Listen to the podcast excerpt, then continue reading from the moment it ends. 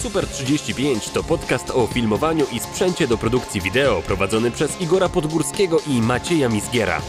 W każdym odcinku dostarczamy masę inspiracji i solidną dawkę wiedzy. Informacje o szkoleniach i wartościowe linki znajdziesz w opisie tego odcinka.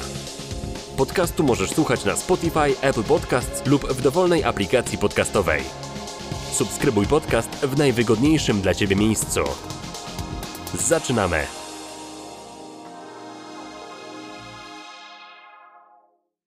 Gościem tego odcinka podcastu Super 35 jest Łukasz Glewicz, znany szerzej jako Monster Cam. Witam Was serdecznie. Cześć Łukaszu. Cześć Łukasz. Łukasz, w dwóch zdaniach. Kim jesteś, co robisz, skąd się tu wziąłeś? Podejrzewam, że większość Waszych słuchaczy będzie wiedziało, mam przynajmniej taką nadzieję, ale jeżeli nie, to, to, to pewnie, to, to, to chętnie opowiem. E, zajmuję się filmem, a tak dokładniej e, od jakichś siedmiu lat e, jestem w branży. Obecnie jestem operatorem, często też produkuję własne produkcje. Nie umiem tego określić, bo tych nazw teraz jest dużo bardzo popularnych. Są filmmakerzy, wideografowie i tak dalej. Ciężko to powiedzieć. No, jestem monstercam, robię filmy. Znalazłeś się w naszym podcaście y, nieprzypadkowo. My się już znamy, można powiedzieć, no chyba będzie już kilka lat, przynajmniej 2-3 lata, tak coś, coś kojarzę, że kiedyś mieliśmy już jakiś kontakt na Instagramie i w sumie od tego czasu obserwujemy się nawzajem. I w moim odczuciu jesteś postacią bardzo ciekawą, dlatego że nie jesteś typowym studio produkcyjnym, który gdzieś tam e, ma normalne biuro, montażystów, tylko jesteś e, sobie takim Łukaszem, który robi naprawdę mega fajne rzeczy na poziomie, pracując na swoim sprzęcie i wiele rzeczy robisz sam. I w sumie też twoja droga jest taka, mi się wydaje, dość, e, dość ciekawa i dlatego właśnie rozmawiamy sobie tutaj dzisiaj. Przejdźmy teraz do kluczowego pytania.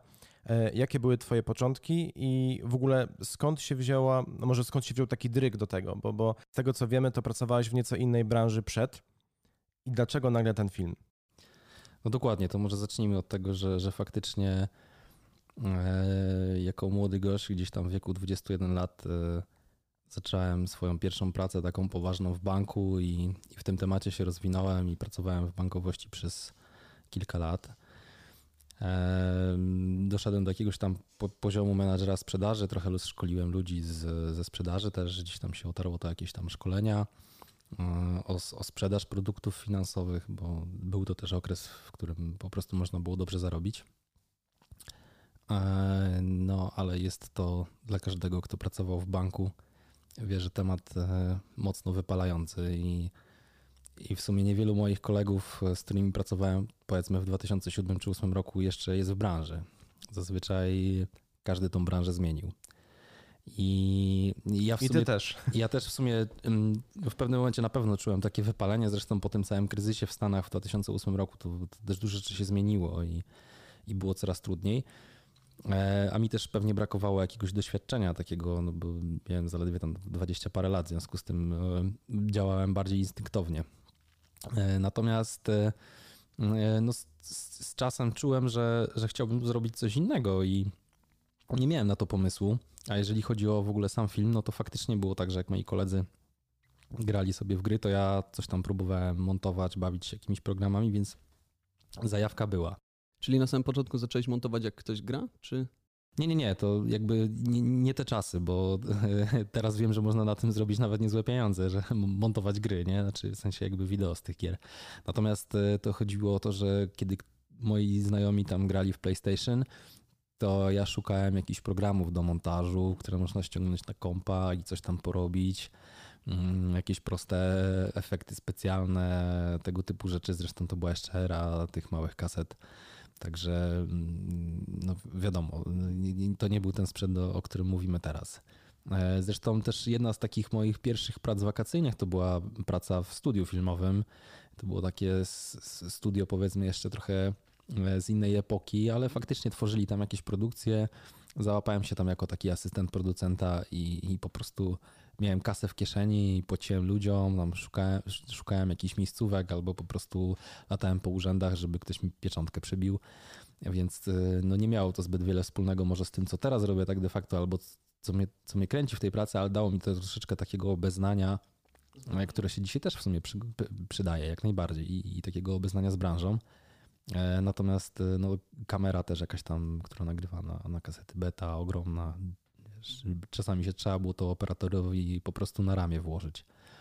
Mm, także gdzieś tam to się wszystko wokół tego kręciło. Potem było trochę tak, że w ogóle lubiłem robić zdjęcia, e, lubiłem robić wideo i to wideo to właściwie szukałem okazji, żeby zrobić, czyli wakacje były dobrym, e, mm, dobrym powodem do tego, żeby zrobić jakieś wideo, jakaś impreza czyjaś. E, to po prostu mnie kręciło, tak? Czułem ewidentnie taki popęd do tego, że, że, że to jest rzecz, którą, którą mam ochotę zrobić. E, no i myślę, że w pewnym momencie, kiedy dojrzałem, tak naprawdę też jakby popatrzyłem na ludzi dookoła takich, którzy robią to, co lubią i że są szczęśliwi, że, że, że pracują i, i tak naprawdę nie, nie są w pracy. Tak to wtedy trochę odbierałem. To nie jest po prostu praca od 9 do 17, czyli y, tylko po prostu czerpią z tego przyjemność, a przy okazji zarabiają. Tak, dokładnie. I, i też y, zawsze mi się podobało, że mm, poza tym, że robią dzisiaj to, co lubią, to jakby widzą przyszłość. To jest y, bardzo fajna rzecz, że Mm, widzisz kogoś i on nie żyje tylko dniem dzisiejszym, ale on jest w stanie faktycznie pozytywnie, w odpowiedni sposób sobie coś tam zaplanować na przyszłość, nie? Gdzieś tam siebie widzi, kim będzie za, za ileś lat albo do czego by chciał dojść. I to, jest, to, to mnie też bardzo tak e, nakręcało. I padł kiedyś taki pomysł, żeby e, porzucić to GoPro jakiegoś tam Sony Nexa i kupić sobie lustrzankę pierwszą. I tutaj ci na momencik e, wejdę w słowo, bo też właśnie między innymi dlatego jesteś e, tutaj teraz e, z nami. Gościmy cię w swoim podcaście, dlatego że bardzo też nam zależy na tym, żeby taka rozmowa z taką osobą jak ty była swojego rodzaju szkołą, taką poradą właśnie dla ludzi, którzy dzisiaj są młodzi, a wiemy, że takich słuchaczy mamy dość sporo, którzy rozpoczynają właśnie od aparatów, ale gdzieś tam z tyłu głowy mają e, takie marzenia, że ok, mam teraz aparat, potem będzie pełna klatka, aparat, może potem jakiś pocket e, i tak będę się piął i może kiedyś będę e, kimś, kto będzie mógł gdzieś tam sobie, kogo będzie stać na własny sprzęt, na taki naprawdę z wysokiej póły i będę mógł za pomocą tego sprzętu się realizować, rozwijać i po prostu tak jak wcześniej ty wspomniałeś, robić to to, co lubisz, ale jednocześnie uważam, że też powinniśmy tak troszeczkę misyjnie do tego podejść, e, żeby też ci młodzi ludzie nie fiksowali się na, tylko na sprzęcie, ponieważ sprzęt to nie wszystko, nie? Tak, dlatego, e, dlatego niejednokrotnie jest tak, że ludzie nie myślą właśnie o tej dalszej drodze, a wybierają sprzęt, na który ich na chwilę obecną stać. Bo kupię lepsze, droższe, więc tak. będę robił automatycznie lepsze filmy i tak. Tak, a to nie jest do końca, a to nie jest do końca prawdą i dla nas takim początkiem najlepszym właśnie jest to, że kupić to, na co cię stać i zacząć po prostu to robić, nie? A, nie, a nie zafiksować się, że zacznę to robić dopiero wtedy, kiedy mnie będzie stać na określony sprzęt i tak na dobrą sprawę rok, dwa, trzy to odkładasz i w końcu zdajesz sobie sprawę, że nic z tego nie masz. Czyli najlepiej jest pewnie, tak jak zaraz nam to opowiesz dokładnie, dokładnie, co kupiłeś, jak, jak robiłeś, um, to kupić to, na co cię stać i po prostu zacząć robić. Tak, i tutaj bardzo ważną rzeczą jest to, że wiążą się dwa tematy. Właśnie kwestia tego chęci, popędu do robienia jakichś rzeczy, które lubimy, poczucia takiego, że to jest właśnie to, co powinienem robić, dlatego że do tego, żeby robić to dobrze i żeby robić to w długiej perspektywie, potrzeba bardzo dużo cierpliwości. Bardzo dużo cierpliwości. Overnight success nie istnieje, nie? Właśnie tak. wiele osób chce po prostu dzisiaj być, jutro wstać i nagle być gdzieś tam kilka kroków. To nie jest tak właśnie, że kupisz ten aparat, włączysz, zaczniesz nagrywać i już jutro robisz filmy, nie? Także do tego wszystkiego trzeba jak najbardziej dorosnąć doświadczeniem, żeby później to owocowało um, produkcjami takimi, jakim sobie założyłeś na samym początku. No i myślę, że rzeczywiście ten mój przykład jest, e, jest ciekawy dla, dla wielu jakichś tam pewnie osób, które zaczynają, bo faktycznie można powiedzieć, że zacząłem od zera, no jakiś tam background był. To na pewno jakby najwięcej to mi pomogło to, że mm, ja pracowałem z klientami, pracowałem z ludźmi i dzisiaj mi to ułatwia mega pracę. Natomiast e, Czyli jeszcze nie tym... sam aspekt e, filmowca jako osoby, która tworzy treści wideo, wykorzystując własny sprzęt i własne e, umiejętności, ale do tego dochodzą aspekty takie po prostu jak biznes. No tak, zdecydowanie też w tej drodze, którą ja wybrałem, bo wybrałem trochę taką drogę powiedzmy gościa One Man Army, aczkolwiek już w dzisiejszych czasach to... Dokładnie tak samo jak my, więc w dzisiejszych czasach jest tak, że mm, szczególnie powiedzmy przez ostatnie dwa lata to już często jestem wynajmowany jako operator, e, albo jakby sam produkuję, ale też zatrudniam innych ludzi, nie zawsze montuję, czasami mam montażystów, w związku z tym już korzystam z tego, ale przez długi czas robiłem coś tylko i wyłącznie e, samemu od A do Z, ale to też e, poza tym, że takie były możliwości, to myślę, że to też była trochę po pierwsze kwestia taka udowadniania sobie samemu, że jestem w stanie coś od A do Z zrobić, Mm, i być docenionym, bo to było budowanie na pewno jakiejś e, poczucia wartości też w tym temacie, bo myślę, że to jest nie, niezwykle ważne i to o tym też trzeba mm, na pewno będzie jeszcze pogadać, mm, ale też e, strach przed tym, że jak nagram e, materiał i zrobię go słabo, to jak pójdzie do jakiegoś profesjonalnego montażysty, to on powie, kurczę, kto to nagrał? Albo w drugą stronę dostanę jakiś materiał do zmontowania i się okaże, że że nie podołam. E, więc e, takich lęków było dużo. Myślę, że są naturalne, po prostu wynikające z, z braku doświadczenia, starcia się z pewnymi rzeczami. Natomiast z czasem to przyszło i to przyszło dosyć lekko i dzisiaj nawet wolę zlecenie operatorskie i takie wybieram w większości. E, montuję przy okazji. Montuję dla klientów, którzy oczekują tego, żebym ja zmontował materiał, bo ja to zrobię w taki sposób, jaki oni oczekują, bo, bo, bo ten kontakt i zrozumienie klienta to też jest jakaś tam na pewno moja mocna cecha, mocna strona. E, w związku z tym raczej montuję rzeczy, które lubię montować, które są przyjemne, albo takie, że wiem, że ktoś dla mnie tego nie zmontuje, albo musiałbym i tak na tym montażu siedzieć, w związku z tym po prostu robię to sam. No to może teraz powróćmy raz jeszcze do tego aparatu, od którego zacząłeś, jak się zaczęła ta tak. droga. Opowiedz o tym no, sprzęcie. No to jest fajna historia, bo, bo, bo, bo, tak naprawdę mm, to był aparat y, Canon 70D z jakimś kitowym obiektywem. Tutaj musimy dodać, że Canon 70D to jest aparat, który wyszedł w 2013 roku i to był w sumie pierwszy aparat od Canona z Dual Pixel Autofocus, więc e, czy, czy ten element też był dla ciebie jakoś taki bardzo istotny. Oczywiście, oczywiście wtedy moja wiedza, jeżeli chodzi o, o to, jak się posługiwać aparatem, nie, nie, nie była zbyt duża, ale wielu jakichś tam moich kolegów, czy to fotografów, czy jakichś tam filmmakerów po, po, podradzało mi wtedy po, popatrz na to, bo tu jest super autofokus. E, I faktycznie ten kanon był wtedy taką nowością, bo, bo, to, bo to jest ten czas. Ja gdzieś tam w 2013 roku takie pierwsze kroki stawiałem. I bardzo się cieszę, że osadzamy kontekst właśnie w linii y, tego czasu. Mamy 2013, Łukasz kupuje swój aparat. Tak, ale to też jest jakby niezwykle istotne, dlatego że te po prostu te postępy, one były, to, to, były, to była metoda małych kroczków, nie? I jakby na tym bazowałem. W związku z tym no dużo jest pewnie takich punktów, które warto wspomnieć. I, I faktycznie jak będziemy chronologicznie to przedstawiać, to, to, to, to będzie miało to największy sens. E, I i stwierdziłem, że będę sobie robił jakieś e, produkcje. Jeszcze nie miałem na to pomysłu. Wydawało mi się, że w ogóle sport jest ciekawą opcją, tylko jakby wtedy nie wiedziałem, że w tym sporcie to tak nie do końca jest kasa na tą promocję. Jakoś tak sobie tego nie połączyłem i w sumie też jakby nazwa ta Monster Cam, wymyśliłem sobie, że to będzie fajnie leżało w jakichś projektach sportowych, klientach i tak dalej, że ten Monster Cam będzie czymś takim trochę agresywnym, fajnym i gdzieś tam się to wplasuje. Natomiast szybko się okazało, że że można sobie iść ponagrywać chłopaków, jak grają w piłkę, ale to mm, biznesu z tego nie będzie. E, w, w każdym bądź razie ktoś, e, znajoma poprosiła mnie kiedyś, e, żebym sfilmował jakiś tam jej event charytatywny oczywiście się tam udałem, zrobiłem im materiał. Byli zadowoleni, gdzieś tam jakby też w jakimś tam już pierwszym środowisku się rozeszło, że, że Łukasz coś tam fajnego robi. Mm, I jakieś pierwsze polecenia gdzieś tam z tego miejsca wypłynęły. E, I, I, też jakąś właśnie krótką drogą trafiłem na takiego pierwszego poważnego klienta.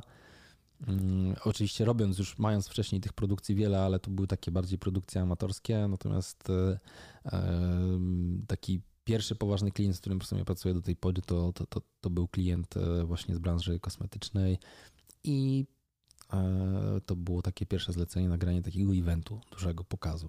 Mhm. Czyli na ten event, rozumiem, udałeś się z Canonem z Canonem 70D, ale od razu zatrudniłem sobie, że tak powiem, jeszcze pomoc, bo wziąłem drugiego operatora chyba z Canonem 5D Mark III, wydaje mi się. I, i, i, i, i nagraliśmy ten materiał w dwójkę.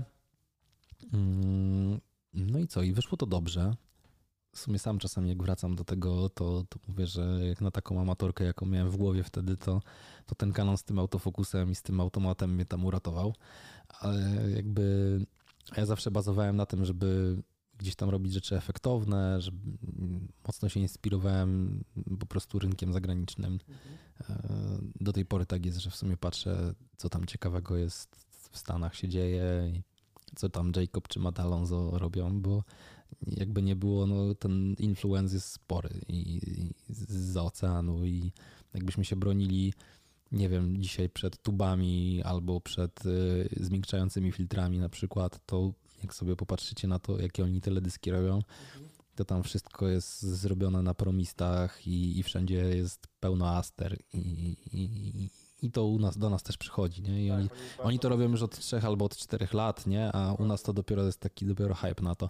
Bardzo, bardzo się starają e, te e, digitalowe kamery jednak upodobnić możliwie najbardziej do tego, żeby to był film taki miękkie, jasne i tak dalej, więc, więc tak, też, też, też obserwuję część z tych osób już od kilku lat, więc, więc no tak właśnie jest. No to, to, to tak samo można właśnie spojrzeć, bo, bo tu na przykład fajnym przykładem jest też Madalonzo, który dużo fajnych takich nagrał teledysków z łapy z takim specyficznym, specyficznym shake'iem, dużo kolorowego światła, jakieś pryzmaty i tak dalej, to wszystko rzeczywiście faktycznie gdzieś tam powoli e, idzie dalej, więc fajnie jest zrobić po prostu te rzeczy takie, które będą dłużej wyglądały świeżo. To ja może dalej nadam kierunku tej rozmowie. Na jak długo starczył Ci ten Canon 70D i co spowodowało, że jednak postanowiłeś przejść na coś innego? Przejść dalej na kamery, aparat? Mm, Canon, to był rok? Canon dosyć długo e, pracował, bo teraz już tylko z sentymentu leży na półce.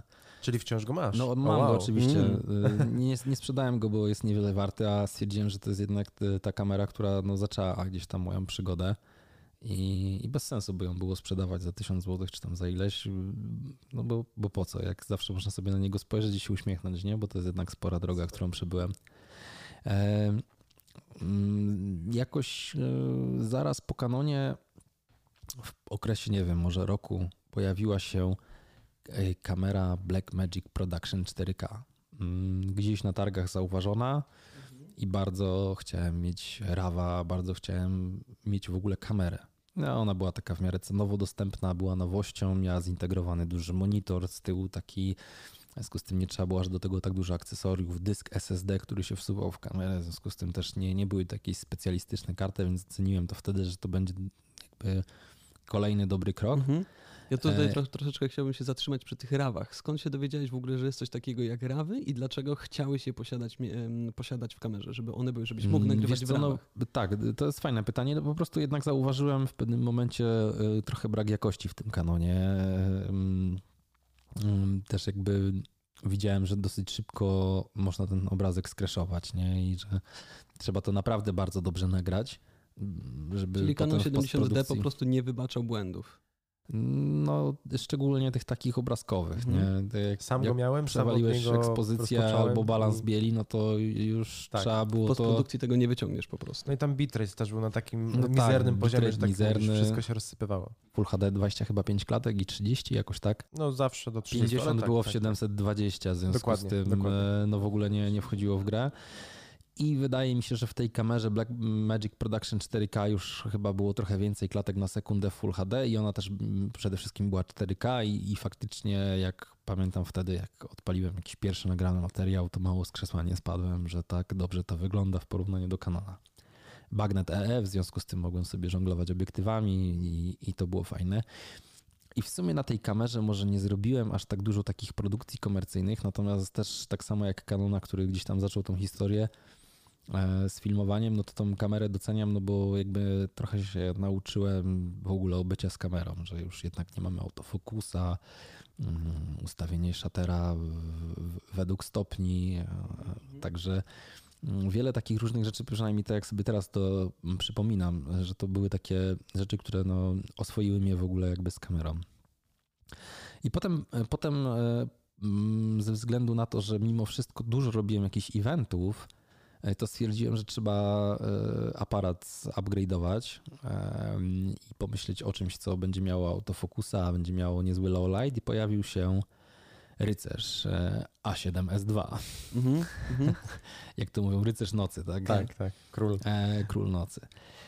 No i faktycznie to był dobry wybór, bo na tym A7S2 to zrobiłem mnóstwo rzeczy i e, i, i byłem z niego zadowolony. W ogóle teraz jak sobie przypomnę, że w sumie ten A7S2 Tak, wy to... tego nie widzicie, ale, ale Łukasz się tu uśmiecha co, chwilę właśnie jak mówi o tym A7S2.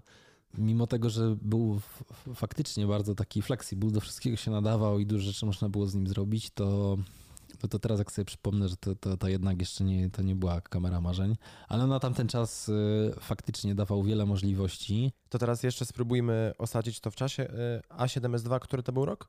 Wiesz co, no ciężko mi będzie tak teraz dokładnie powiedzieć, natomiast myślę, że to jest powiedzmy od Canona jakieś dwa lata od zakupu, no także No, to a chyba 7S2 wyszła 15. w 2015 Wydaje mi się, roku, około czyli to mogło- 15, to mogło tak, bo to być. była jakaś nowość wtedy. Mogłaś, więc to- tak, czyli to się spina, bo 2, y, 2.13 70D i mamy I teraz pamiętam, że co 2.15. rok robiłem jakieś tam właśnie eventy i że nagle też taki przeskok, że z tego kanona faktycznie jak przeskoczyłem, to, to, to było super.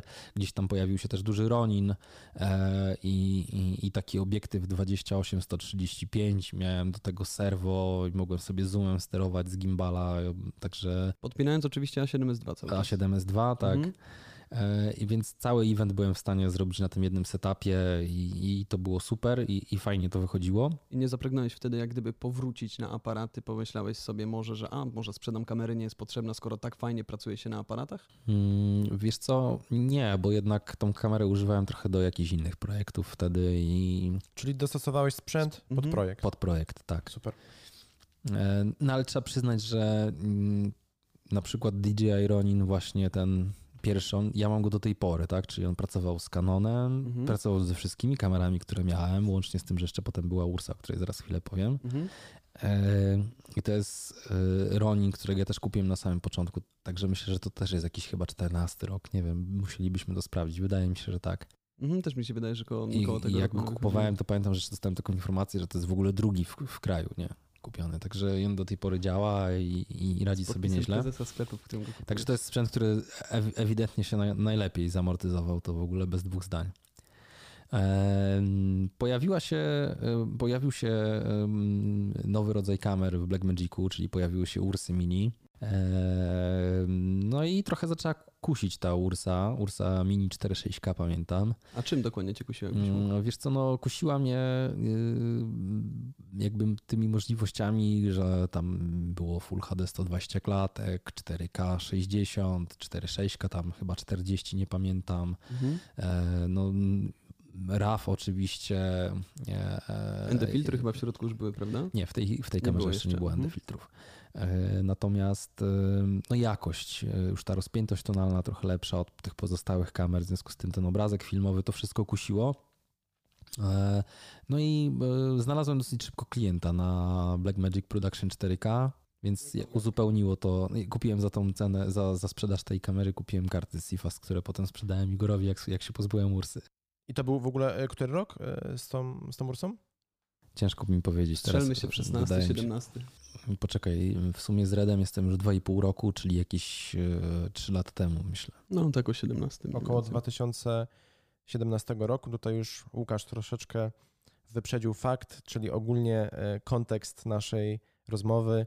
e, Jak ktoś taki jak ty e, przeszedł tą całą drogę e, w kilka lat, czy długo, czy krótko, to już e, ocenić e, sobie może każdy z was, ale od aparatu do, do Reda, ale do tego jeszcze zaraz dojdziemy. Dokładnie. Tak, wróćmy do tej Ursy 4.6K i jej pięknych, nowych możliwości, które cię skusiły do, do jej właśnie zakupu. Wiesz, byłem mega zadowolony, no bo znowu zrobiłem kolejny krok i zobaczyłem znowu tą jakość obrazka, zdecydowanie inną i możliwości i w ogóle duża kamera, taka, która już przypomina tą kamerę filmową. I bardzo mnie to jarało, po prostu jakby no e, ewidentnie poza już tymi kwestiami takimi, że będę miał fajny sprzęt, na którym będę mógł robić dobre rzeczy, no to, to też nie ukrywam, że, że po prostu chciałem mieć taką kamerę. Żeby to była kamera nie tak jak Blackmagic Production 4K, że możesz powiedzieć, że to jest kamera, a ludzie się zastanawiali, co to jest w ogóle, nie?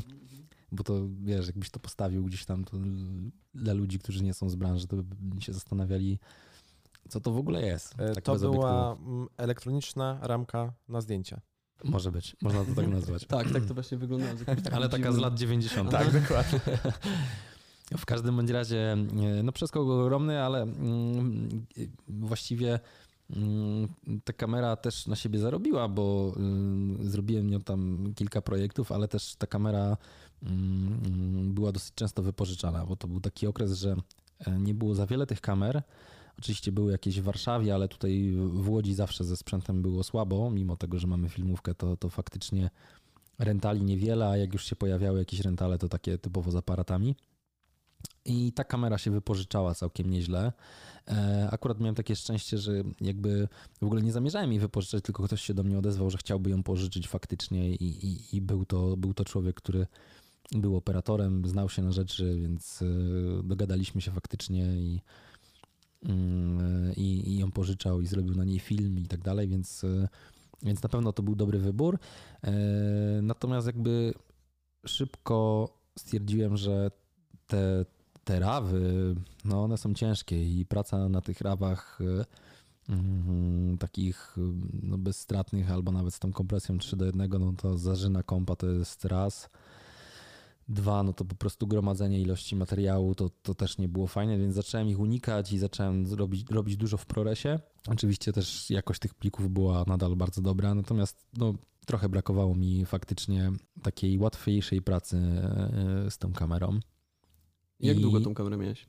Mm, myślę, że gdzieś około półtora roku. Mhm. Coś koło tego. Czyli kilka, kilka zleceń, na pewno kilka projektów nie tak. zrobiłeś. Tak, tak. Nie? I jakby to też był sprzęt, który mnie specjalnie nie, nie zawiódł. Wszystko było z nią w porządku. Właściwie e, sprzedałem ją dalej. Wiem, że gdzieś tam pracuję, robię jakieś teledyski. Mam nadzieję, że jeszcze. Także e, był to fajny sprzęcik ale no, zapragnąłem czegoś więcej. I to więcej? Że trzeba, że trzeba iść jednak do przodu. E, I też e, jakby taka pierwsza styczność gdzieś tam z Redem na jakichś targach. E, potem taka sytuacja, że miałem okazję pracować na plikach Reda i po raz pierwszy zobaczyłem, jak duże możliwości są tak naprawdę po stronie nie samej kamery, a, a, powiedzmy samych plików. I i, i po prostu jej zapragnąłem i stwierdziłem, że... Czyli to był ten przełom. Same pliki, nie sama kamera, a same pliki. Tak, tak. I to oczywiście było tak, że dalej jakby tam jeszcze filmowałem Ursą, ale jakby postawiłem sobie taki cel, że mm, no finalnie to chyba skończę na Redzie, nie? Że to jakby e, jest kamera docelowa i, i, i dużo się, że tak powiem, douczyłem. Dużo też zasięgnąłem różnych porad. E, e, także mm, zauważyłem, że, że to już jest taki level, że no jakby już dużo osób mi powiedziało, że jak już tam wejdziesz na tego Reda, to faktycznie już nie będziesz chciał z niego zejść, nie? I, i to jest prawda. E, miałem trochę farta właśnie, bo trafiłem na Piotrka Seweryna, którego serdecznie pozdrawiam, który kupił e, Reda troszeczkę przede mną i, i, i, dał mi dużo informacji takich fajnych, że właśnie nie miałem takiego oporu pytać o jakieś takie pierdoły. Totalnie jakby wszystko mi od A do Z rozjaśnił i, E, I do tej pory zresztą dzięki temu mamy zajebisty kontakt i, i, i to jest taki mój kumpel rodowy, jeden z lepszych zawsze sobie, jak tam jakieś nowości wychodzą, to tam sobie... Wiadomo z kim, z kim o tym Omawiamy od razu, tak. No i postanowiłem w pewnym momencie, że, że okej, okay, że jakby kilka fajnych projektów zrobiłem, bo to też się wszystko zbiegło w czasie, że, że, że, że udało się po prostu zarobić i e, no i mogłem tą kasę przeznaczyć na różnego rodzaju rzeczy. Jakby stwierdziłem, że inwestowanie w to popłaca, bo faktycznie widziałem, że te zlecenia, które zaczynałem na początku, no to robiłem progres i, i finansowy i uczyłem się bardzo dużo rzeczy i jakby e, myślę, że no nie wszedłbym w tego rada, gdybym nie wiedział, że po prostu zostanę z tym filmowaniem, bo mm, no bo jakby wiedziałem, że to jest duży wydatek, dużo czasu trzeba poświęcić na to, żeby się douczyć, doszkolić, żeby być lepszym e, i nie kupuje się tego, żeby to stało na półce, nie? Więc Mm, więc to była taka chyba jedna z najpoważniejszych decyzji, e, i, ale też z drugiej strony jedna z najlepszych, jaką zrobiłem, bo ten red też mi trochę otworzył e, drzwi do, do, do pracy różnego rodzaju i pojawiły się nowe, nowe ścieżki, nowi ludzie. W związku z tym no na pewno na pewno mogę powiedzieć, że to była dobra decyzja i, i jakbym się teraz cofnął w czasie, to, to bym nic nie zmienił. To znaczy, ani bym go nie kupił wcześniej, bo uważam, że te poprzednie mnie bardzo wiele nauczyły i, i tak jakby płynnie w to wszystko wszedłem. A z drugiej strony, no mm, też jakby nie mam poczucia, że kupiłem go na przykład za wcześnie, bo no faktycznie już Już byłeś na tym poziomie, który jak gdyby pozwolił ci go w pełni wykorzystać. nie, byłem na takim poziomie, że byłem w stanie się go nauczyć. O. Bym tak powiedział. Mhm. Bo nie wiem, czy jestem w stanie na dzień dzisiejszy wykorzystać jeszcze jego możliwości. Myślę, że go wykorzystuję pewnie w połowie, nie? No Bo Trzeba sam... też dodać, że e, nabyłeś go w okolicach 2017, czyli pracujesz już na Redzie. No dokładnie od teraz pracuję lat. jakieś 2,5 roku. Dwa- to, to jakoś tak mniej Okej, więcej okej. jest. W maju będzie 3 lata, jak pracuję. I tutaj też e, bardzo mi się podoba, co powiedziałeś kilka chwil temu, że e, też e, decyzja zakupowa nie była oparta tylko na hypie, na modzie, na tym, że Red jest fajny, jest cool i, i tak dalej, tylko że jednak była bardzo mocno świadoma i nie oparta tylko na samym fakcie, że to jest kamera profesjonalna, która potrafi wygenerować naprawdę bardzo fajny e, obrazek, ale też wziąłeś pod uwagę kwestie postprodukcyjne, których w moim odczuciu bardzo często bardzo wiele osób w ogóle nie bierze pod uwagę. E, Kupuje aparat czy kamerę, która produkuje pliki w e, kodekach takich, że nawet najmocniejsze komputery sobie czasami nie, nie są w stanie da- dać z tym, z tym rady. Więc, więc jeszcze może rzuć kilka takich ciekawych może mm, informacji na temat tego, co w tych plikach jest takiego, takiego wow. Mhm. No jasne, warto o tym wspomnieć ze względu na to, że, że przede wszystkim możemy nagrywać w różnych kompresjach i, i tak szczerze powiedziawszy, to w większości jak robimy teledyski, to nagrywamy 8 do 1, 10 do 1. I co to oznacza? Pliki są wtedy mniejsze, lżejsze, Tak, łatwiej pliki się z są nimi pracuje. lżejsze. Oczywiście no, coś za tym idzie, zawierają trochę mniej danych. Natomiast z tego, co testowałem, to faktycznie do takiej pracy przy teledyskach to to 8.1, 10.1 to, to, to, to spokojnie e, Czyli są mocniej wystarcza. skompresowane. Nie wiadomo, jak idziemy w górę i ustawimy na przykład sobie tam 20 do 1. Ja, No właśnie ja robiłem sobie taki skalę. test, bo też, Odkąd? też byłem bardzo ciekawy Mhm. Mm, e, i, i, i nagrałem sobie plik taki tam 3 do 1, 8 do 1, 12 do 1 i tam powiedzmy 24, tak ekstremalnie, nie? żeby mm, sprawdzić. Na pierwszy rzut oka różnic nie ma. E, No, zaczyna się różnica, jak już tam zaczniemy mocno suwakami jeździć, to, to, to gdzieś tam wtedy trochę, Zaczyna trochę gubimy. Mhm. Natomiast e, faktycznie powiedzmy, że tam 9-10 do 1 to jest taka optymalna, gdzie e, i szumy źle nie wyglądają i da się coś z nimi zrobić i nie ma jakiejś e, gdzieś tam kompresji widocznej na czerniach i tak dalej. W związku z tym mm, spokojnie idzie na tym pracować. A takie pliki chodzą e, bez problemu na przykład na MacBooku e, i można sobie zrobić nawet szybki Czyli można montować e, materiał z Reda na e, laptopie. Oczywiście, ja nawet robiłem taki test, bo mam takiego MacBooka Pro z 2013 roku jeszcze. To był taki pierwszy z retiną i mam go do tej pory. Nie ma problemu, możemy wrzucić na niego jakiś tam plik nagrany RADem w 5K i, i oczywiście nie będzie jakoś mega super, ale spokojnie można by było na tym coś zmontować. Mm, No także to na pewno jest super, a mm, teraz też jakiś miesiąc temu e, wyszła porządna aktualizacja do Final Cut'a i, i, i to workflow zostało jeszcze bardziej poprawione i, i no, działa to niebywale szybko. Właściwie nie, nie, nie widzę specjalnie ograniczeń. Co prawda też mam teraz dobry komputer, ale mm, no, właściwie jedynie co tylko odszumianie jest w stanie tam troszeczkę e, zwolnić pracę, a tak poza tym no to, to, to, to można robić cuda.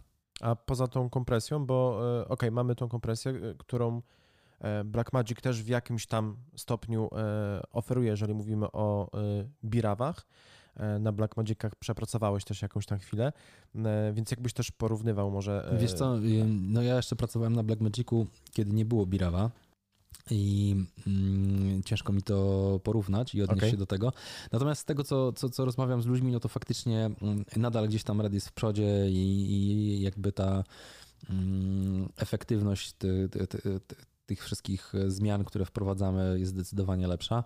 E, A to też jest pewnie kwestia po prostu nie tylko kodeka, ale też pewnie samego obrazka, bo jednak ta rozpiętość tonalna to też jakby robi swoje i, i, i, to jest dużo. Natomiast tak, brawo dla Blackmagica, że poszedł w tą stronę, no bo to jest świetne rozwiązanie i sami wiecie, że można tam nagrać, nie wiem, chyba 12 do 1 czy 8 do 1. 12 do 1 jest max, tak. Mhm. no i, i nadal e, ta jakość jest super, a, a ilość miejsca zajętego e, na dysku jest. No, tak, także, także zdecydowanie no, jakby ten kierunek jest super i Blackmagic to wykorzystało. Brawa dla nich też. No, to, to jest naprawdę super rozwiązanie. Zresztą zdarza mi się też tak, że czasami robimy coś i mamy i Pocketa, i Reda, i Mhm. łączymy te obrazki. To też da się zrobić. Gdzieś tam oczywiście trzeba uważać, żeby na przykład na takim Pockecie coś nie przepalić, bo to wtedy, wtedy wychodzi, ale faktycznie jeszcze za pomocą na przykład DaVinci to, to łatwo jest taki obrazek z dwóch różnych kamer po, połączyć i, i wyrzucić taki e, output powiedzmy, który jest bardzo zbliżony do siebie. Mhm. Okej, czyli mamy pełen, pełen przekrój tych aparatów, tych kamer w Twojej drodze, że tak powiem, do tego Reda. To powiedz mi jeszcze, który z tych sprzętów uznajesz za ten, który najwięcej Ci dał, przy którym najwięcej się rozwinąłeś, których najwięcej um, jak gdyby tych projektów robiłeś, albo który według Ciebie najwięcej e, dał Tobie w, w, właśnie w karierze? Wiesz co, no właśnie nie da się tak y, jednoznacznie powiedzieć, który, dlatego że myślę, że to mimo wszystko, że poziom mojej wiedzy się po prostu y, zwiększał z czasem, bo przecież y, no nie miałem skąd zaczerpnąć tego, jak po prostu z praktyki i z wiedzy takiej bieżącej, czyli nie wiem czegoś, to się dowiem, albo zapytam, albo przeczytam, albo obejrzę film na YouTube i, i, i myślę, że tak jak każdy, po prostu uczyłem się w danym momencie. Trochę Czyli tak to jesteś chłopakiem z Łodzi, który nie uczył się na łódzkiej filmówce i latasz na redzie, tak w dużym skrócie, bo się E, nauczyłeś z YouTube'a.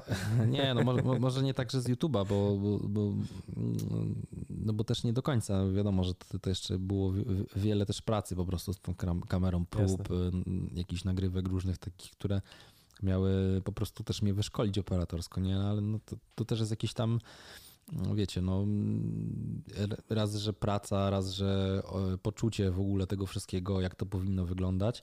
E, Natomiast tak, no, nie, nie miałem tego szczęścia.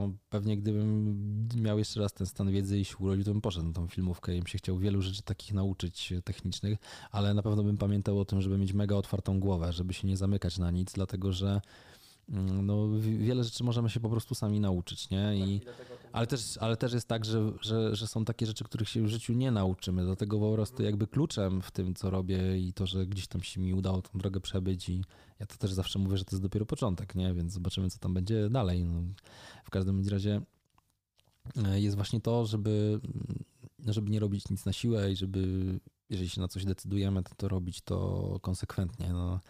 A niestety mamy takie czasy, że jest wiele różnych rzeczy, które nas rozpraszają, wiele różnych możliwości i ludzie nie potrafią z tego korzystać. I ja patrzę, że nawet wśród moich znajomych, e, już nie, nie, nie mówię tylko o branży filmowej, ale o, o, o każdej innej, że ludzie próbują, robią coś przez pół roku, tracą mnóstwo energii, pieniędzy e, i szybko kończą e, i przeskakują na, na kolejny temat. I tak do momentu, aż już nie ma siły ani kasy, żeby robić w ogóle cokolwiek.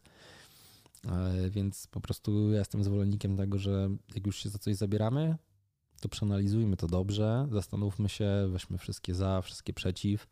Na pewno bardzo dużym argumentem jest to, że no, jak lubimy, nie wiem, podam przykład, śpiewać, no to śpiewajmy, nie? Ale jakby to jest połowa, a, a ta pozostała e, część, no to, to, to jest trochę biznesu, trochę kontaktów, wszystkiego tak naprawdę dookoła mm, wielu różnych rzeczy.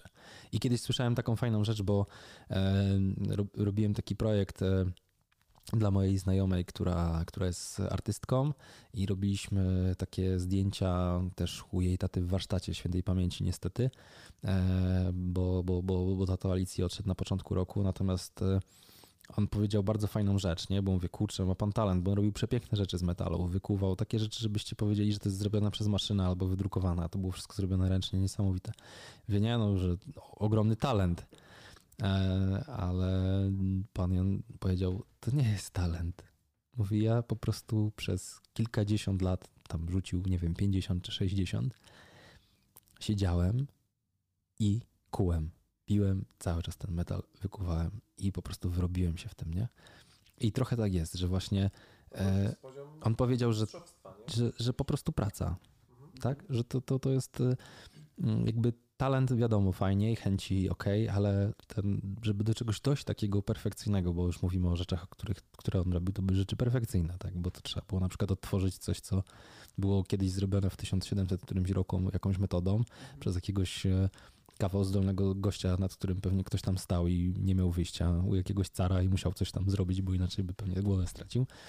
Więc y, no, no to mówimy o, o takim najwyższym pułapie mistrzostwa I, i pewnie w tym jest jakby też dużo racji, tak? I w pełni się z tym zgadzam i myślę, że to właśnie metoda takiego kucia, nie? I, i dlatego ta moja droga też tak wygląda, no bo po prostu mam no, no takie podejście do tematu, że e, powoli, małymi kroczkami, ale do przodu.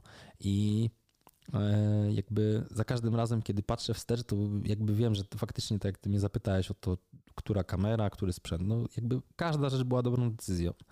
Nie, nic bym nie zmienił. W sprzęcie nie upatrujesz po prostu tego, co spowodowało to, że jesteś w tym miejscu teraz, w tym czasie. Nie, bo to jest kwestia tego, czy ja to wykorzystam, czy nie, tak?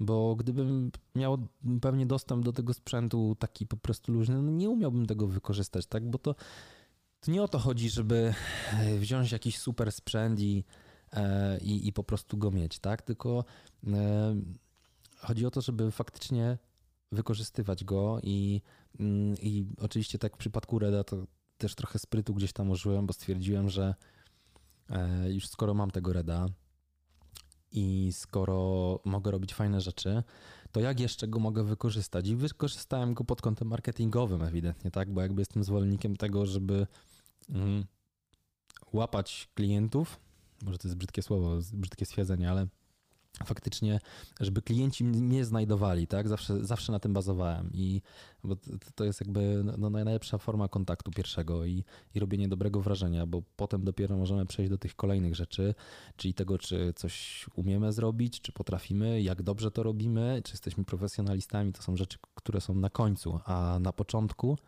tak naprawdę no, trzeba w jakiś sposób się pokazać, trafić do kogoś. No i w sumie fajnie to wyszło. Nie, nie, ukrywam, że wiele kontaktów nawiązałem, bo gdzieś tam pojawiły się jakieś plany i, i ewidentnie ktoś chciał e, też e, zrobić jakiś materiał na Redzie i, i, i, tak się zaczynały pierwsze współprace, tak? Okej, okay, dobra, Łukasz ma Redę, no to, to, to, to bierzemy Łukasza, robimy nie wiem, jechałem jako tylko asystent albo jako operator, tak, różnie to, to, to bywało, natomiast no, kontakty się zdecydowanie powiększyły.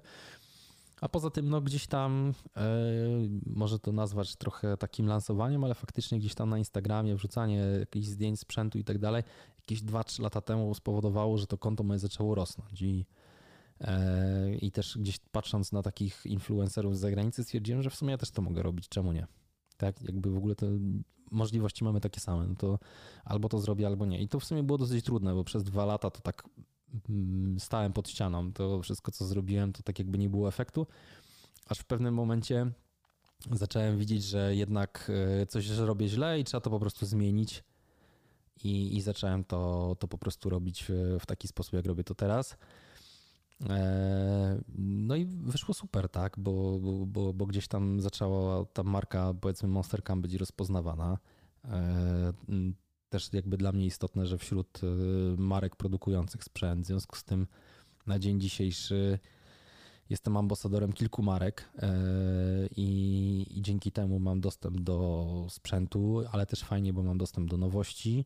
Często jest tak, że dostaję jakiś sprzęt, który dopiero gdzieś tam za miesiąc ma premierę, no nie ukrywam, że też e, jestem trochę gadżeciarzem i, i lubię sprzęty i, i mega mnie to cieszy, że przy okazji tego, że pracuję, że zajmuję się tą operatorką, to dodatkowo mogę właśnie korzystać z takich fajnych rzeczy, bo to jest, to jest taki bonus e, w postaci tego, że raz, że dostaję sprzęt, który wykorzystuję, a dwa, to mam czasami wpływ też nawet na to, jak finalnie jakiś dany sprzęt będzie wyglądał. I chociażby tak gdzieś tam było w przypadku Shape'a, gdzie, gdzie też mi wysłano jakiś tam uchwyt, który dopiero był w fazie projektu i omówiliśmy to faktycznie, czy on jest dobry, czy nie i co bym zmienił i oni takie informacje zbierają tam od kilku osób i sobie to analizują.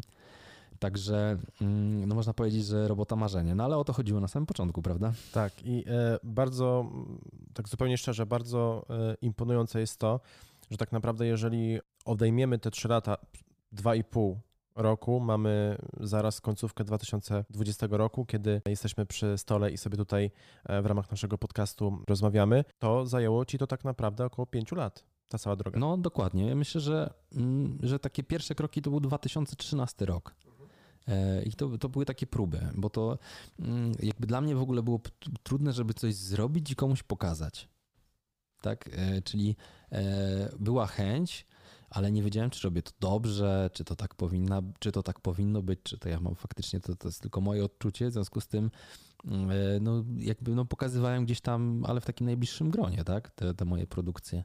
I dopiero w pewnym momencie gdzieś tam nastąpiło takie przełamanie i z czasem jakby zauważyłem, że okej, okay, to co robi ludziom się podoba, czyli to jest dobra droga, czyli to jest to, co mówiłem wcześniej, podejmowanie takich świadomych decyzji, tak? Czyli faktycznie, jeżeli widzisz, że no jest pozytywny odbiór, no to idź w to, nie? I jakby to tak samo jest, no, że ja już teraz słucham klientów i słucham siebie, i tego, że ja wiem, że jeżeli coś zrobię w taki sposób, to ja na tym zyskam, nie? I, i też nie, nie zawsze jest tak, że robię tylko super jakieś rzeczy, nie? Czasami są jakieś hałtury, które za przeproszeniem trzeba zrobić, ale to jest, to jest też jakiś element, to jest też jakiś stopień właśnie do góry, że czasami to zrobię albo tylko dla pieniędzy, albo dla dobrych kontaktów, albo dlatego, że po prostu klient tak chce i on będzie zadowolony, bo tak to widzieć, nie? E, także no właśnie trzeba, trzeba dużo wyczucia na pewno z ludźmi też i, i myślę, że wracając właśnie do tych takich wcześniejszych lat, to ta praca właśnie w bankowości z klientami, z, w korporacji z ludźmi, z szefami, z, z innymi zespołami, które, z, z, którymi się konkuruje, dało mi taki duży background do tego, żeby się odnaleźć w ogóle tak życiowo, nie? bo to, to, to też jest ważne. Bo ja sam osobiście znam mnóstwo ludzi zdolniejszych ode mnie, lepszych operatorów, ludzi, którzy potrafią zdecydowanie lepiej produkować i tak dalej. Natomiast gdzieś tam biznesowo to leży i myślę, że, że to, że ja jestem w tym miejscu, to też jakby to jest kwestia tego, że umiałem się biznesowo w tym odnaleźć. I pięknie przyszedłeś właśnie do tego, e, do tego wątku, dlatego że chciałem jeszcze na tą drugą część naszej rozmowy zejść właśnie na tematy takie mocno biznesowe. Dużo powiedziałeś w tej rozmowie, więc nie będziemy tego mówić jeszcze raz. Natomiast czy jesteś w stanie podać kilka takich praktyk, porad, czy ogólnie cech, jakie trzeba mieć, żeby jako taka jednoosobowa firma, jednoosobowy brand, który właśnie działa w tym, w tym zakresie, żeby mógł realizować swoje cele i iść po prostu do przodu, ponieważ my jako Super 35 bardzo często mamy coś takiego, że ludzie do nas e, piszą, ludzie bardzo często kilka ładnych lat od nas, e, od nas młodsi i, i pytają wprost, słuchaj, jak pozyskać klienta na film, bo ja już coś umiem, mam już jakiś sprzęt, ale nie umiem się sprzedać? Mhm. No, to jest właśnie świetne pytanie i powiem Ci, że mm, e, ja w ogóle mm, gdzieś tam na swoim Instagramie wiele młodych osób staram się wspierać i przekazywać tą wiedzę. I, jest kilka takich osób, e, które gdzieś tam staram się supportować e, ile mogę ile mam czasu. No i przychodzą z fajnymi problemami, właśnie z takimi, które ja gdzieś tam miałem w głowie. Może nie zastanawiałem się nad nimi zbyt długo, tylko po prostu je rozwiązywałem, bo raz, że miałem takie predyspozycje pewnie jakieś interpersonalne do tego, a dwa, miałem właśnie troszeczkę jakiejś tam wiedzy z, z innej pracy. Wiesz co, i to wszystko zależy od tego, kto w jakim momencie jest, bo jeżeli e, jesteś młodą osobą, e, która nie ma żadnego doświadczenia, to ja mimo wszystko bym zalecał pójście do pracy. Mm, jakiejkolwiek. Do kogoś. Żeby po prostu poznać, jak to wszystko wygląda, nie? I że, że bycie pracownikiem to, to, to bardzo wiele uczy i, i też można wtedy zauważyć po prostu samemu po jakimś czasie, co robiłem źle albo mm, że gdzieś tam kluczyłem bez sensu w jakimś, jakimś miejscu i, i daje też tak trochę pokory, nie? bo to też jest jakby istotne. A najważniejszą cechą, którą trzeba mieć, to jest cierpliwość i to podkreślam. I co ciekawe, to ja zawsze byłem osobą niecierpliwą. Taką, która chciała już i teraz. Ale w momencie, kiedy, mm, kiedy odnalazłem e, to miejsce dla siebie i stwierdziłem, że tak, filmowanie to jest to i w sumie, że mogę powiedzieć na tą, jakby w każdym momencie tego procesu, który się e, wtedy rozpoczął, e, to gdybyś mi zadał pytanie, czy się o coś martwię, no to mógłbym powiedzieć, że o wiele różnych rzeczy, ale na pewno nie o filmowanie, nie? bo to, tutaj nie ma żadnych granic. To jeżeli czegoś nie umiem, to się nauczę. Jeżeli czegoś nie jestem się w stanie nauczyć, ale to chyba tylko dlatego, że nie mam czasu, to sobie kogoś wynajmę. Tak, jakby nie widzę żadnych ograniczeń. E, także cierpliwość przyszła sama też, ale myślę, że w, w oparciu o to, że po prostu jakby znalazłem ten odpowiednie miejsce dla siebie. Czyli to jest ta jedna z tych cech, która Twoim zdaniem jest bardzo istotna w kontekście rozwoju, o którym rozmawiamy dzisiaj. Tak, i, i generalnie jest y, taka fajna rzecz, że warto sobie czasami spojrzeć do tyłu, wstecz, w historię swoją i zapytać się siebie samego, czy chcielibyśmy tą drogę przejść jeszcze raz. No bo ja powiem, nie chciałbym, bo ta droga była kurczę trudna, bo to nie była łatwa droga, bo to przecież ja się musiałem mnóstwo rzeczy nauczyć. Ja nieraz siedziałem po nocach i się uczyłem, montowałem, robiłem coś po kilka razy. Czytałem o sprzętach, o, o, jakichś zasadach różnych i, i się czasami też orientowałem, że Boże, przecież ja niektóre rzeczy robię źle.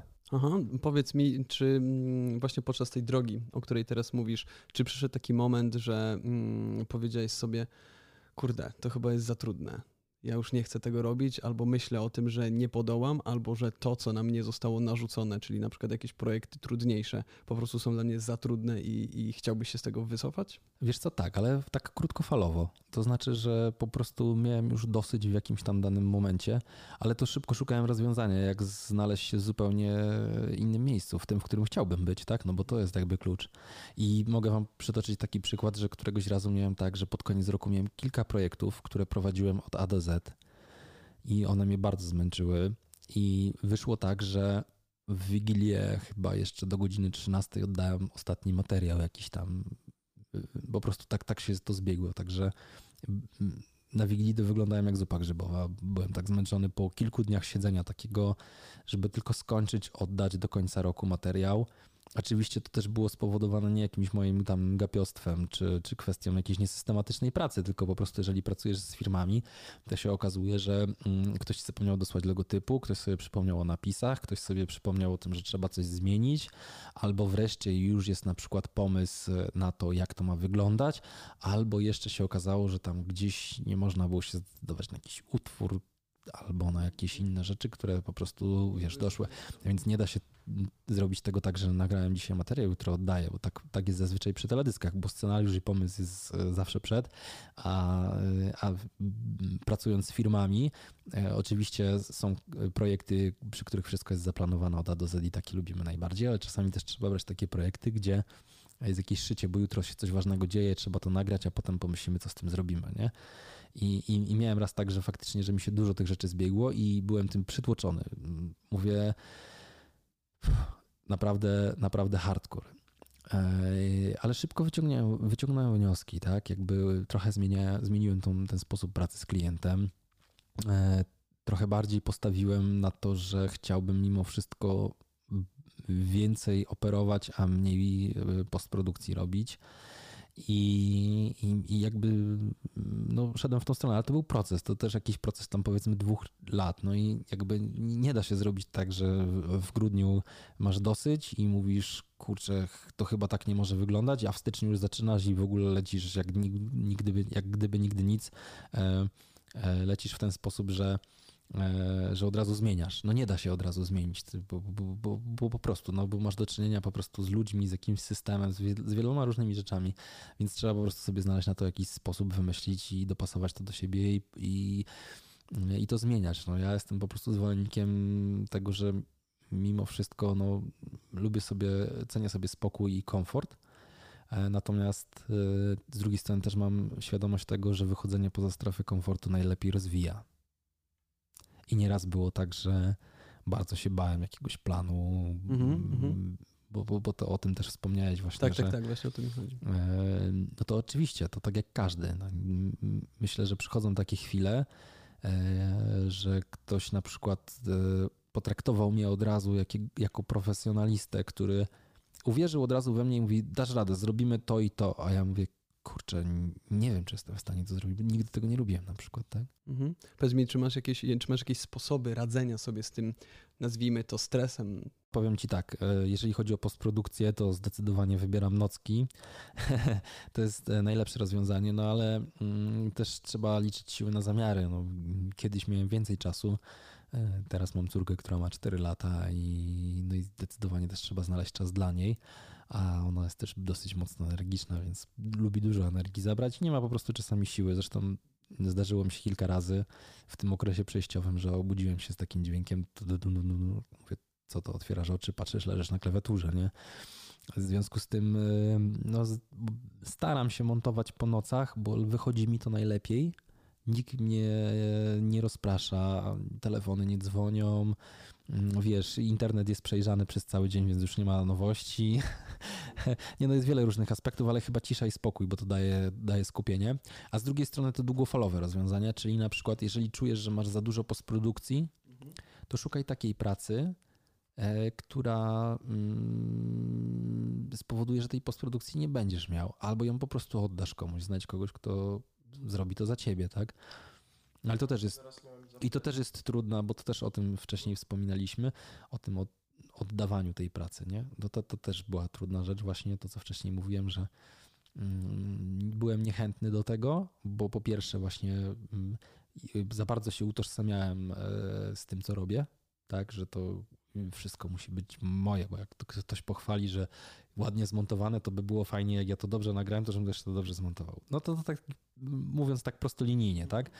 Mm, bo myślę, że każdy ma to w głowie, bo widzę chłopaki się uśmiechacie, więc też jakby... Tak, czyli delegowanie po prostu naszej pracy, którą ciężką włożyliśmy na planie do, dla kogoś, żeby to zmontował, no nie jest takie, nie jest takie łatwe. E, nie? tak, ale to u mnie się po prostu to zmieniło, bo wydaje mi się, że doszedłem do takiego momentu, że się upewniłem, że to, co robię, to robię dobrze i że to jest dobra droga, bo skoro od 7 lat się czymś zajmuję i tak naprawdę idzie, idzie to do przodu i jest w tym jakiś progres, postęp i też jest dobry feedback od klientów, mm, to chyba po prostu już na tyle uwierzyłem w siebie, że nie mam potrzeby czerpania już z tego energii, robię to z innych rzeczy, nie? Jakby prze, prze, przekierowałem tą energię gdzie indziej. E, bo jest wiele różnych pól, na których się można jeszcze sprawdzić. W związku z tym nie ma, nie czuję teraz takiej potrzeby, że muszę coś zrobić od A do Z. Aczkolwiek są takie projekty, tak jak wcześniej wspominałem, że, e, że je robię, bo po prostu wiem, że klienci lubią mój sposób montażu, lubią to, jaką muzykę dobieram do projektów, e, albo czasami jest koncept w mojej głowie, którego się nie da spisać i Lepiej, jak to zrobisz sam po prostu. I wiem, że jak zrobię to od A do Z, to zrobię to tak, jak widziałem to w głowie, nie? że ta jednak wizja, to, to też jest bardzo fajna rzecz. Uważam, że jakby, że każdy powinien e, pracować nad tym, czyli mamy jakiś obraz w głowie, muszę go sam zderzyć z rzeczywistością, czy jest to realne do uzyskania ze sprzętem, jaki mam, możliwościami i tak dalej. I, i, i kreować takie rzeczy, bo to są fajne rzeczy, bo to są rzeczy takie y, wtedy prawdziwe od nas, nie? Tylko na początku jest jeszcze słowo takie dosyć istotne przy naszej pracy i każdy się go boi, a nazywa się wstyd. Każdy się sensie? wstydzi pokazać jakichś swoich takich uzewnętrznień, nie? Na przykład, znaczy, może nie każdy, ale jak bardzo wiele ludzi, jak rozmawiam, szczególnie z młodymi osobami, to boją się pokazać coś e, takiego swojego. Mówisz po prostu o tym, że ktoś wyprodukuje swój film, nagra go i tak dalej i boi się wyjść z nim do świata. Tak, a szczególnie im bardziej serca, im więcej serca w to włoży i chce koniecznie jakby sprzedać swoją wizję, tym bardziej, jak, im, im, bardziej coś jest twoje, tym bardziej jakby boisz się to pokazać światu na początku. Oczywiście tak jest. Ja przynajmniej tak miałem faktycznie, że jak y, bardzo się angażowałem w jakiś projekt, to potem się bardziej jeszcze przejmowałem, czy faktycznie on jest dobrze zrobiony, czy, to, czy ludzie to zrozumieją i czy będzie Czy po prostu taki strach e, przed e, krytyką, krytyką po prostu, tak. nie? Bo, bo tak. to tak jak mówisz, jeżeli w coś się wkłada znacznie więcej serca i siebie, bo jednak e, filmowcy, którzy robią takie projekty sami od A do Z, no wkładają sporą część siebie, bo to jest jakby ich pomysł, y, koncept kreatywny, ruchy i tak dalej, więc to, to oczywiście sobie e, każdy z nas z tego, e, z tego zdaje sprawę, ale wracając do tych aspektów takich mocno biznesowych, to w takim dużym skrócie mamy delegowanie na przykład montażu, i całej mm, postprodukcji. Jeżeli postprodukujesz sam, to optymalizacja tej pracy w kontekście takim, że na przykład ty to robisz e, po nocach, bo wtedy wiesz, że jesteś najbardziej efektywny, jeżeli chodzi o to. No i tak czysto biznesowo kontakty, czyli po prostu e, budować sobie sieć kontaktów na bazie dobrze wykonanej pracy, bo potem ta praca wróci do ciebie po prostu z innych stron, jak rozumiem. Dokładnie. I wiesz, ja, ja też jakby Mm, stawiam na to, że ja staram się być miłym, ale staram się faktycznie być miłym i pomagać ludziom i, i, i nieraz jest ciężko, bo przychodzą do ciebie na przykład klienci albo ktoś znajomy, albo ktoś tam z polecenia, tylko z pytaniem, e, słuchaj, mam taki problem, nie, bo nam na przykład ktoś mi nagrał jakieś filmy, nie wiem jak to zmontować albo coś. Staram się pomóc. Staram się zawsze zostawić kropelkę taką dobra, bo to wraca. I to polecam każdemu, a szczególnie tym wszystkim młodym osobom, które zaczynają, żeby gdzieś tam mm, właśnie oprócz tej pokory i cierpliwości postawić jeszcze na to, żeby być miłym. Pokora, to też jest jakby kolejna z cech. Tak.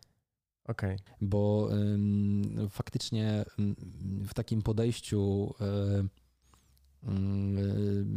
że stawiam na to, żeby być miłym i faktycznie, no, oczywiście nie daję sobie w kaszę dmuchać, nie? Bo to też jakby trzeba odróżnić, bo gdzieś tam zawsze się spotkamy z jakimiś tam hejterami albo ludźmi, którzy wszystko wiedzą zawsze. Natomiast e, w większości przypadków staram się być miły, przyjazny i pomocny i to wraca po prostu. Czasami wiem, że muszę zacisnąć zęby i komuś jakąś pierdołę wytłumaczyć, e, ale, ale, ale to potem wraca, bo, bo na przykład ktoś cię traktuje, że okej, okay, ten gościu jest fajny, miły, jest profesjonalistą e, i teraz ktoś mówi, słuchaj, potrzebuję nagrać spot reklamowy. No tu jest taki Łukasz. Daję ci numer do niego, super gość, zadzwoń. Tak? I zobacz, jak to brzmi, że ja, już jestem sprzedany, nie? Już po prostu, jak ktoś do mnie, a jak ja, ja, ja też jakby mm, już jestem na tyle e, obeznany w kontaktach z klientami, w ogóle jakby myślę, że mam dobre relacje z, z ludźmi jakby, jakby od samego, samego nastawienia, że jak już mam taki telefon, że jestem dobrze polecony, to, no to nie wypuszczę. No tak, już tak naprawdę jesteś sprzedany, już tylko, tylko i wyłącznie sprawdzasz kalendarz i mówisz, tak, jestem w stanie to zrobić dla ciebie. E, ok, mieliśmy twoją przeszłość, mamy teraz teraźniejszość, a powiedz mi, jak widzisz siebie albo gdzie widzisz siebie za powiedzmy 5 lat? A wiesz co, to jakby nigdy specjalnie nie patrzę w tą przyszłość e, aż tak mocno. Jakby wiem, że będę na pewno siedział w, w temacie filmowania i e, ale co będę robił, to, to trochę mnie chyba te małe kroki pokierują, nie? Czyli Zobaczymy, jak się będzie układać, nie? bo no, sami widzicie, jakie są czasy i, i, i, też na przykład było tak, że na początku miałem bardzo dużo pracy zaplanowanej, na początku roku. Większość zleceń się zerowała, tak po prostu praktycznie z dnia na dzień. I może też e, dodajmy, dlaczego tak się stało, ponieważ jeżeli ktoś będzie słuchał tego odcinka za 2, 3 czy 5 lat, to może e, nie wiedzieć, Co nas w jakim jesteśmy aktualnie stanie, jeżeli chodzi o świat. No, mamy 2020, COVID-19. I wszystko w tym temacie. E, ale, ale szybko też jakby okazało się, że, mm, e, że są nowe zlecenia i, i, że właśnie działają te kontakty, że kiedyś komuś pomogłeś, byłeś miły i ktoś dzwonił i słuchaj, Łukasz, mam temat do zrobienia taki i taki, nie? Robimy? Robimy, no, pewnie, że tak. No tak ogólnie potem jakby ja odczuwam, że bardzo się e-commerce ruszył i jest ogromne zapotrzebowanie na, na, na reklamę i no ja w tym momencie mogę stwierdzić, że chyba w 2020 roku mam więcej pracy niż w 2019. Czyli wszystkie relacje, o nich mówisz bardzo dużo i ja się z tym zgadzam w 100%, że biznes taki, jaki ty prowadzisz, czy prowadzę ja, czy prowadzi e, Maciej, czyli po prostu jednoosobowe firmy, które e, produkują różnego rodzaju wideo, E, te relacje to jednak to jest to. To jest to, co procentuje i, i, i po prostu przynosi efekty. Niezależnie właśnie, to jest idealny przykład, niezależnie od tego, co dzieje się na świecie, ale kluczem do wszystkiego chyba jest to, że trzeba być po prostu w tym szczerym. Bo tak jak mówisz, e, można być miłym dla kogoś, ale jeżeli to nie jest szczere, no to prędzej pewnie wyjdzie to szydło z wora. No nie? i wracamy znowu do tego, co powiedziałem na początku, że trzeba sobie zadać pytanie, czy jestem w odpowiednim miejscu, bo jak się okaże, że nie jestem w odpowiednim miejscu, to będzie problem z cierpliwością, ze szczerością, z byciem miłym, ze wszystkim, bo czemu często ludzie są złośliwi, bo albo jacyś tam rozdrażnieni, no bo nie czują się dobrze. Więc trzeba jednak znaleźć sobie takie miejsce, żeby poczuć się dobrze. Czyli jeżeli ktoś zaczyna swoje, swoją przygodę z filmem i ewidentnie uwielbia filmować, a zawsze się denerwuje przy montażu, no to już chyba po tej mojej e, rozmowie powinniśmy wiedzieć, co, co trzeba zrobić, nie? Trzeba to tak ustawić, żeby tego montażu było jak najmniej. Albo znaleźć jakiś sposób po prostu chwilowy na to, żeby przebnąć tą drogę, no bo to tak jak mówiłem, no nie rzucimy tego od razu, bo musimy przejść tą drogę, tak? Trzeba wiele rzeczy pokazać. Ale już sama myśl o tym, że na przykład za rok już nie będę montował, spokojnie. Tym bardziej, że ta branża e, pozwala też działać w ten sposób. Możesz być operatorem i się zajmować tylko tym, nie? Tak.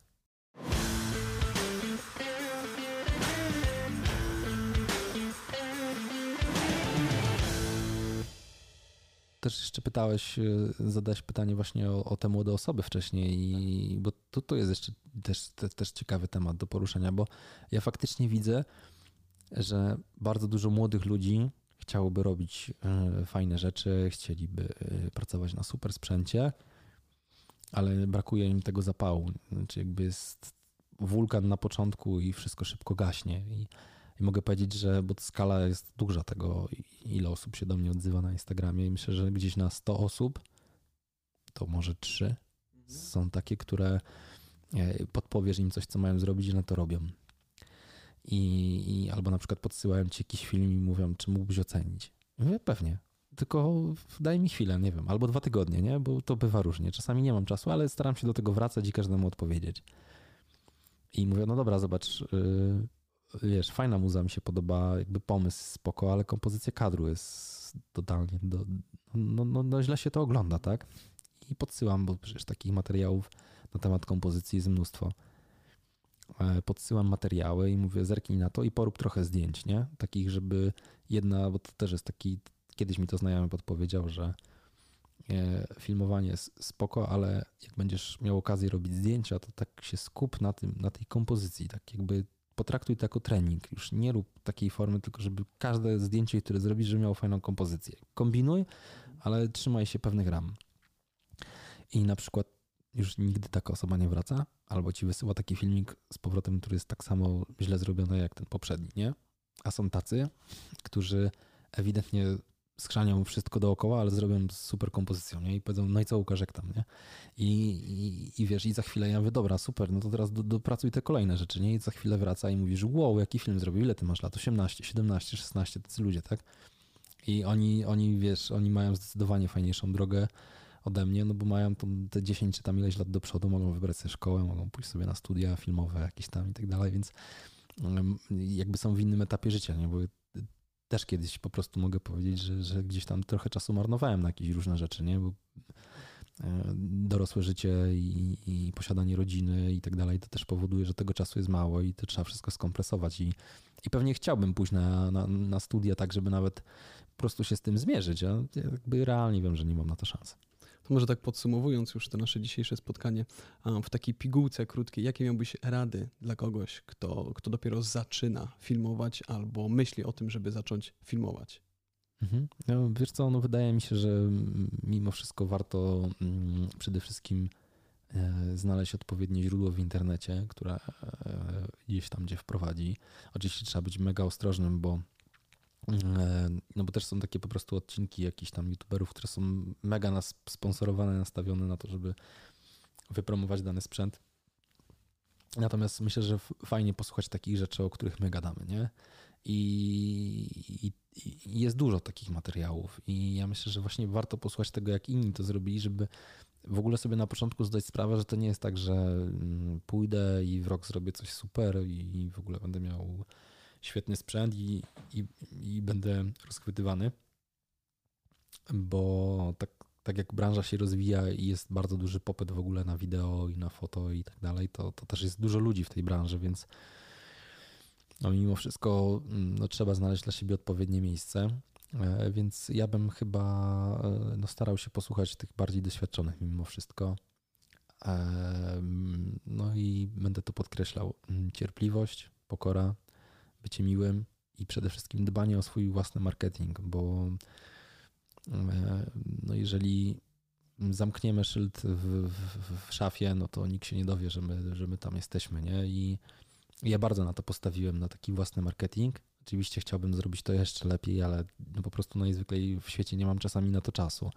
Ale dbanie o własny marketing jest jakby no też kluczem do tego, żeby mieć pole do popisu, no bo tak jak powiedziałem wcześniej, jeżeli nie będziemy mieć klientów, to nie będziemy mieć co pokazać, będziemy robić jakieś głupoty, będziemy, e, nie wiem, e, robić coś dla ludzi, którzy chcieliby, żebyśmy zrobili to dla nich za darmo, tak? Bo, bo, bo takich jest najwięcej, więc jakby no musimy pokazać, że na coś nas stać. I e, teraz oczywiście mm, ja bardzo dużo gdzieś tam współpracuję z e-commerce'em, nie? I, I też trochę inaczej na to patrzę. Wiadomo, że też można po prostu pójść w tą branżę filmową, taką stricte i robić tylko duże projekty i wtedy faktycznie można się uczyć jednego zawodu i ten marketing się nie obchodzi. To już jest kwestia tego, mm, twojego CV i tego, kogo tam powiedzmy znasz. Natomiast y, w takiej pracy, jeżeli chcesz być takim freelancerem, bo o tym mowa, no to, no to, no to marketing jest podstawą, bo jeżeli chcesz zrobić coś dla kogoś, chcesz dla kogoś zrobić reklamę, a nie umiesz zadbać o własny marketing, No to znaczy, że ta reklama też nie będzie skuteczna, którą wyprodukujesz dla niego.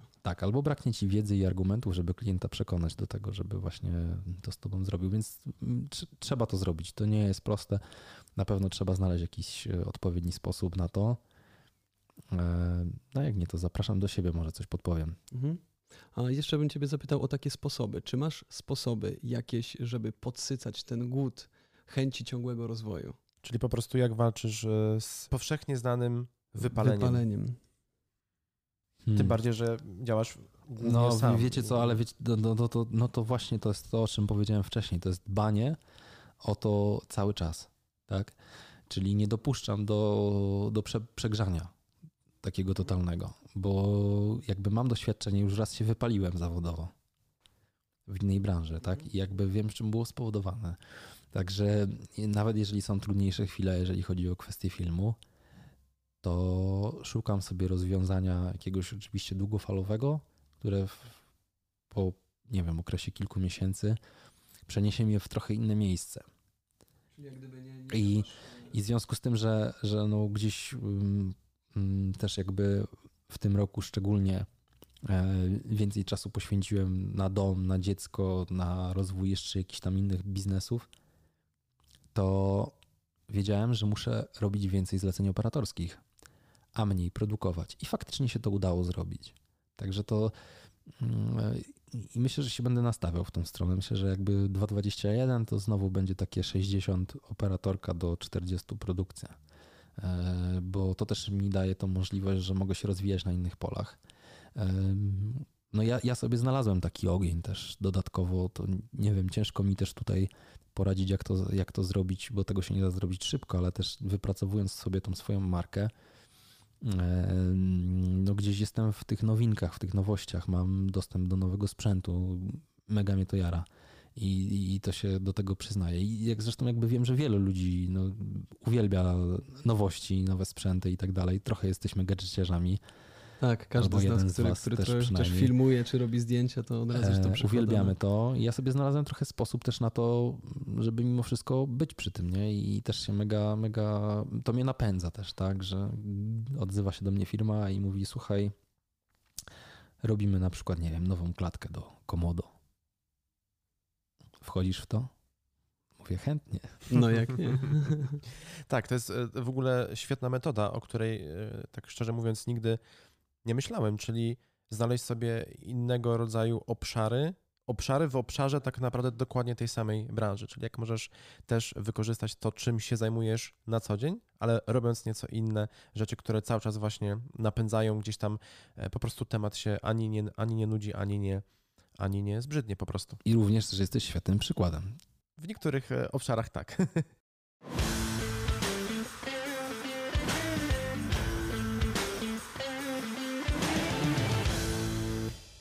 Łukaszu, dziękujemy Ci bardzo za Twój czas. Dziękuję również i jeszcze raz e, zapraszam serdecznie również e, do mnie. Jeżeli ktoś będzie miał pytania, chętnie pomogę. E, I, i mam nadzieję, że, że jeszcze się panowie zobaczymy, nie? Świetnie. Myślę, że ten odcinek będzie naprawdę szczególnie wartościowy dla osób, które w tym momencie są na tym etapie, na którym Ty byłeś no, te 7 lat temu. A my, drodzy słuchacze, słyszymy się w kolejnym odcinku. Dzięki. Dziękujemy za wysłuchanie odcinka do końca.